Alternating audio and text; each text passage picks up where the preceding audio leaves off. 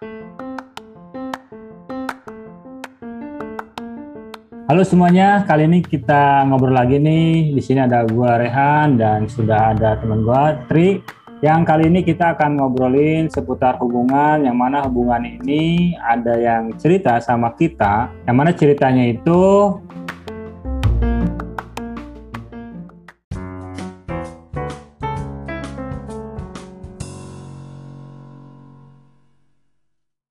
ketika seseorang menjalin sebuah hubungan dan dia itu lebih percaya sama teman atau teman dekatnya dibandingkan pasangannya. Nah ini gimana nih? Nah jadi kita langsung aja ke teman gue Tri. Halo Tri, Hai. gimana nih?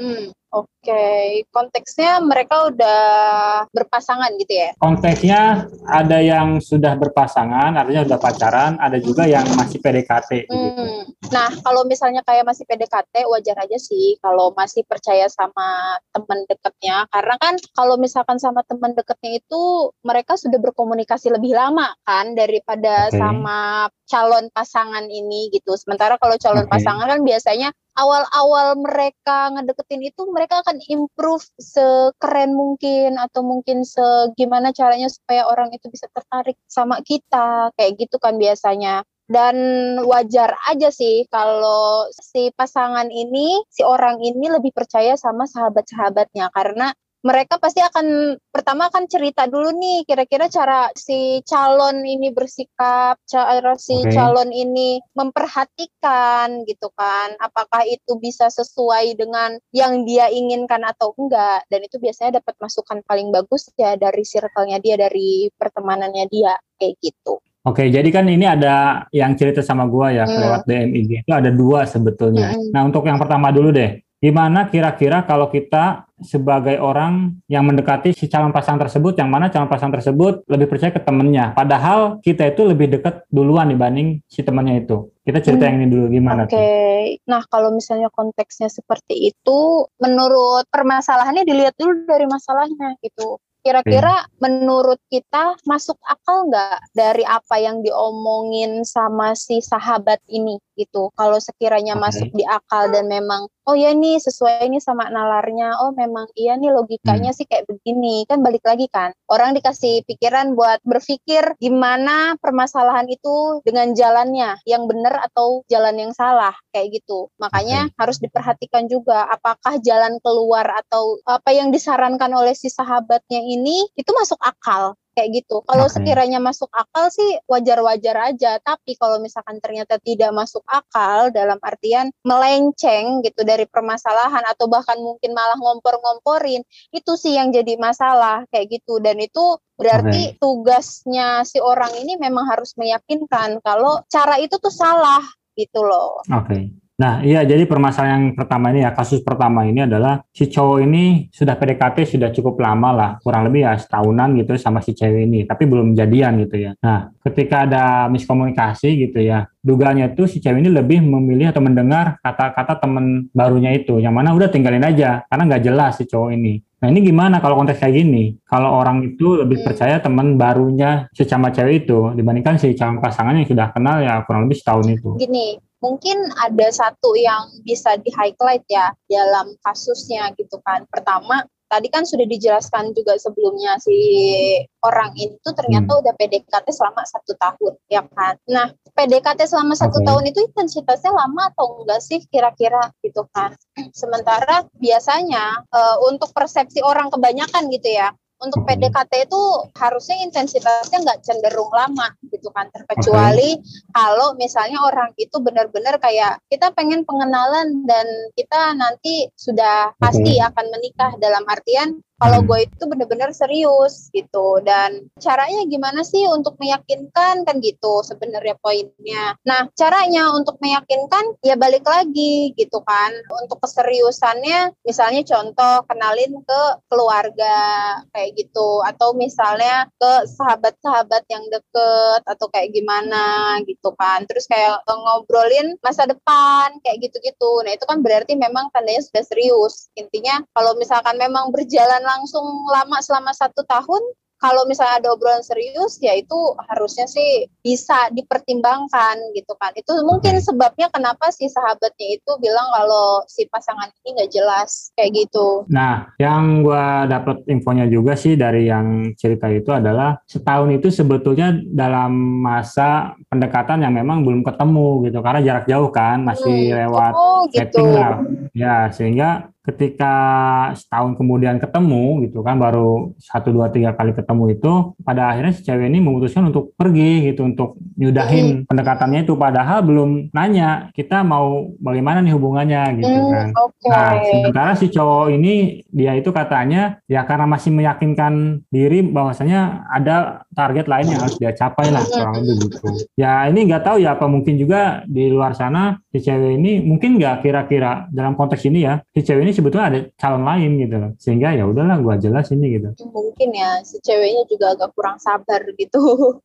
Gitu dan okay. ditambah dorongan dari si temennya kayak gitu. Karena mungkin melihatnya dari sudut pandang mereka. Kadang-kadang kan kita kalau misalkan okay. ngelihat ngelihat orang aja deh gitu. Kita ngelihat orang okay. kayaknya orang kalau misalkan udah tatoan itu pasti udah di okay. di label kalau eh ini orang nggak bener okay. gitu kan. Terus kalau stereotipnya gitu ya. Iya, stereotipnya tuh udah kayak begitu dan ini orang ibaratnya kayak udah biasa ngomong di depan orang pasti ini orang tuh cerewet banget atau gimana kan belum tentu juga. Nah, Berarti hmm. mungkin si perempuan ini pertama sudah ada di titik di mana hmm, dia udah kemakan sama si omongan si temen ini juga kayak gitu atau mungkin hmm. bisa jadi dia punya referensi kandidat lain gitu untuk melanjutkan hidupnya dia gitu dan untuk mempertimbang-timbang menyudahi uh, sama yang si cowok ini ya. Betul, hmm. kayak gitu. Nah, jadi kalau misalnya katakanlah dugaannya itu benar, anggaplah benar ya. Nah, kalau memang kondisinya si cewek ini berubah karena katakanlah dorongan temennya, artinya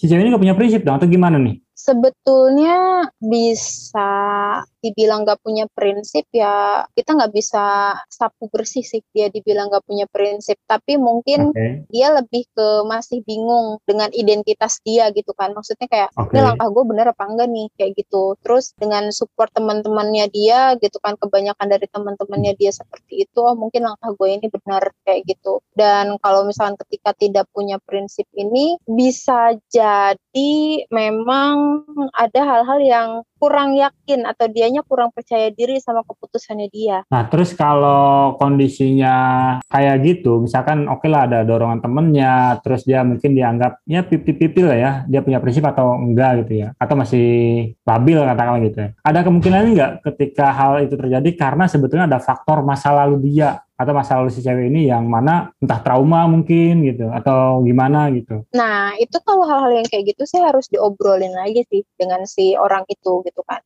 ketika okay. memang si orang itu punya trauma sehingga menyebabkan dia sampai nggak bisa memilih jalan tujuannya dia dan harus mendengarkan apa kata teman-temannya kayak gitu itu benar-benar harus didalemin sih ngobrolnya gitu kan okay. dan otomatis si perempuannya ini juga harus mau terbuka gitu. Dan biasanya kalau misalnya dianya sudah terbuka dan ya kita pasti udah tahu lah gitu apa namanya langkah yeah. selanjutnya seperti apa. Tapi kalau misalkan ternyata dia lebih banyak diam dan tidak mau terbuka ya apa yang mau kita gali? Nah kondisinya kata si cowok ini dia sudah berusaha untuk menghubungi telepon chatting dan seterusnya. Si cewek ini ya mendiamkan begitu aja nggak membalas nggak mengangkat teleponnya langkah terbaik si cowok ini harusnya gimana sih menghadapi cewek kayak gini? Banyak yang harus dipertimbangkan sih kayak gitu dan faktor X ini yang harus benar-benar dipertimbangkan. Pertama dari bagaimana ketika dia menghadapi masalah karena gini, kalau misalkan ketika dia menghadapi masalah dan lebih banyak referensi di teman-teman dia daripada keputusan dia sendiri itu akan menjadi hal yang berat buat pasangan apalagi kalau misalnya udah nikah nih ya kan. Hmm. Kalau misalkan masih ngedengerin apa kata orang lain itu itu bisa jadi dia tidak akan pernah punya prinsip kayak gitu. Artinya okay. keputusannya bukan dari diri dia gitu. Finalnya bukan dari okay. keputusan bersama si pasangan kayak gitu kan. Malah lebih oh, kata teman aku begini, kata teman aku begini. Itu okay. yang menjalani hidup kan bukan teman kamu dan si pasangan gitu kan, tapi diri kita sendiri dan pasangan. Dan yang berhak menentukan hidup itu ya diri sendiri gitu. Harusnya sih bisa ke arah sana gitu cara berpikir. Nah, ini sebetulnya nyambung nih dengan kasus yang kedua nih. Mm -hmm. Kalau kasus yang kedua ini adalah adalah sama juga si cewek yang kemudian si cewek ini tuh dia lebih mendengarkan apa kata sahabatnya. Mm-hmm. Jadi apa pun keputusannya itu ataupun apa pun yang dia lakukan dengan si pasangan ini, dia Hmm. selalu cerita ke sahabatnya. Hmm. Ini gimana nih orang yang kayak gini? Nah, ini sebetulnya hal-hal yang menurut gue sendiri salah ya gitu kan. Karena ya tadi yang gue bilang gitu, kan yang jalanin hidup lu nih gitu kan. Hmm. Lu bisa dan boleh banget sharing sama sahabat lo gitu kan. Kira-kira langkah lo tuh udah bener atau belum gitu. Tapi yang memutuskan tetap diri lo sendiri gitu. Apakah jalan yang lo pilih itu bener atau enggak gitu. Nggak bisa kayak, oh, eh gue sama pasangan gue misalkan punya masalah A, ya udah putus aja. Terus tiba-tiba si orang itu langsung ngomong kata teman gue harus putus tuh gitu. Itu kan sama aja kayak orang nggak punya prinsip kan. Terkecuali Oke. misalnya sharing sama temennya dia dan ngomong misalkan, eh gue kayaknya udah nggak cocok sama pasangan gue deh. Kalau misalkan gue putus begini-begini dan kemudian si pasangan ini mereferensikan gitu. Dalam artian mereferensikan itu kayak dikasih tahu gitu kan. Kalau misalkan lo putus nanti seperti apa gitu kan resikonya. Oke. Kalau misalkan nanti lo nggak putus atau misalkan lo masih sama dia akan seperti apa. Nah harusnya Oke. si sahabatnya ini bisa seperti itu kayak gitu dan Oke. keputusan akan balik lagi kembali lagi ke dia kayak gitu. Jadi intinya kalau memang si teman atau sahabatnya itu lebih kepada memberikan gambaran plus minusnya gitu ya. Dan pada akhirnya si orang yang bersangkutan yang memutuskan, berarti itu yang be- better gitu ya dibandingkan langsung to the point udah putusin aja atau udah lanjut aja gitu ya. Hmm, itu dari sudut pandang kalau misalkan kita jadi sahabat gitu kan. Tapi kalau Iya, misalkan iya. ternyata diri kita sendiri yang ada di posisi itu gitu, kalau misalkan gue sendiri nih punya pasangan yang kata temen gue begini deh, kata temen gue begini deh, gue akan pasti nanya sama dia, lo bakal nikah sama temen lo atau lo bakal nikah sama gue gitu. Kalau misalkan lo bakal nikah sama gue, kita diskusikan berdasarkan opini atau asumsinya kita supaya kita bisa tahu jalan tengahnya kita kayak gitu harus seperti apa gitu. Tapi kalau Hmm. misalkan ternyata masih ada embel-embel kata temen gue begini deh, kata temen gue begini deh gitu. Kalau masih ada embel-embel kayak begitu, berarti itu pasangan kita masih belum cukup dewasa untuk bisa memutuskan. Dan artinya mungkin masih belum bisa untuk berkomitmen juga mungkin gitu. Karena dia sendiri belum bisa menentukan jalan hidupnya dia gitu dan masih ditentukan oleh orang lain gitu. Gimana dia mau menjalin satu hubungan di mana satu hubungan itu ya pernah kita bahas lah di podcast kita sebelumnya kalau kita punya pasangan itu ya akan seterusnya sama dia gitu. Ngelihat dia setiap hari dan diskusi pasti akan sama dia gitu. Jadi segala halnya soal gimana hidup kita ya itu kita sendiri yang nentuin gitu dan pasangan kita. Jadi intinya kalau ada pasangan yang salah satu pasangan itu lebih percaya temennya, mendingan diperjuangkan atau cabut aja. Hmm, kalau misalnya masih bisa kita rubah ya perjuangin aja. Tapi kalau misalkan ternyata Oke. itu jadi habit, yang ngapain gitu loh? Karena kan lo merit sama dia bukan sama temennya. Akan menjadi Oke. sulit juga tahu kalau misalkan si orang yang ngirim chat atau apa ini ceritanya merit lah sama si pasangan itu gitu kan. Terus tiba-tiba ada masalah, misalnya kayak Bayar listrik. ya bayar listrik lah ibaratnya gitu kan. Oke. Eh, kita itu sebulan itu kayaknya 100 ribu cukup deh gitu kan si suami Oke. misalnya ngomong kayak begitu. Terus si istri kayak ngomong enggak kata teman aku tuh harus 250 karena kebutuhan kita itu ini ini ini ini ini Oke. gitu kan. Sementara yang hidup di sini tuh kita gitu ngerti gak sih? Oke, Jadi kan oke, I see, ya, ya. kayak lu apaan sih gitu kan kayak Oke. lu hidupnya sama sono sama temen lo gitu Temen kan. lo. kayak gitu sih. Dan itu berarti kan cukup berat sih berarti ya. Kalau si pasangan itu belum bisa Iya. membuat keputusan sendiri ataupun dia lebih Benar. terpengaruh sama dan, dan lebih akan menjadi konflik terus gitu. Soalnya ya tadi aja gitu, permasalahan listrik aja bakal jadi panjang gitu kan karena Oke ya. dia itu tidak bisa memperkirakan berdasarkan realita gitu, realita sebenarnya kehidupannya dia seperti apa gitu kan. Sementara kan kalau pasangan kan jatuhnya asumsi ya. Kenapa gue bilang asumsi? Karena coy temen lo di sana gitu kan dan lo tuh Oke. wujud lo tuh di sini di rumah ini. Sementara kebutuhan lo tuh ya ada di rumah ini gitu kan. Masa lo masih minta pendapat ke temen lo? Kayak gitu kan kayak Oke. lucu gitu Oke, jadi overall nih untuk kesimpulannya nih, ketika ada suatu pasangan ataupun calon pasangan dan dia lebih mendengarkan teman dekatnya atau sahabatnya, dilihat dari si sahabatnya itu gimana ya Iya, treatment ke si bisa, calon bisa pasangan ngasih itu. edukasi atau enggak gitu bisa ngasih Ya. pilihan atau enggak di mana pilihan itu lu sendiri yang menentukan gitu karena Oke. kita tuh enggak jadi gini loh coba deh lo berpikir kalau yang berhak ngatur hidup lo itu ya diri lo sendiri orang lain boleh mendengar atau misalkan memberikan opini gitu kan memberikan gambaran gitu kan tapi keputusan tetap. Oke. ada di lo gitu aja sih Oke. Nah, artinya kalau si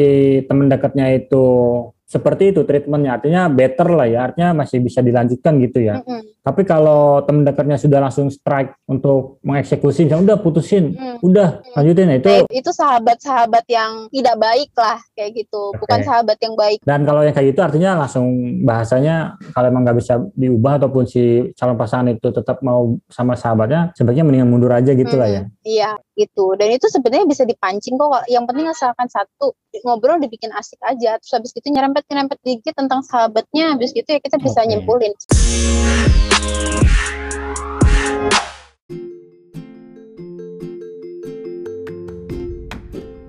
Oke, mungkin itu aja untuk obrolan kita Oke. sore kali ini dan jangan lupa buat teman-teman yang dengerin ataupun nonton di YouTube untuk tinggalkan komentar di kolom komentar. Gua Rehan, Dan gue Tri, pamit undur diri. Bye-bye. bye.